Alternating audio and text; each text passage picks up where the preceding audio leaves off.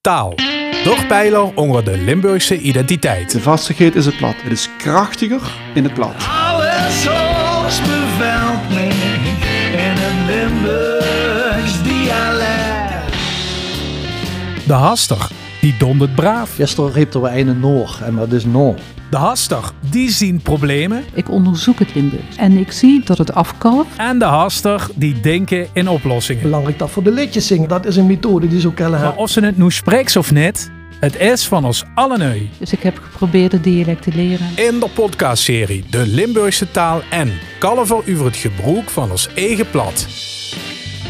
Over wie dat geeft Dus dat wordt eigenlijk zo gek voor ons. Aha, die verstaan dus dus. en over wie het misschien mot goor. Het is Dus bewezen dat tweetalig opgroeien een vuurdeel is voor de derde taal. De Limburgse Taal en De Limburgse taal en broodgoede schoen. Broodgoede binnenkort op alle platforms.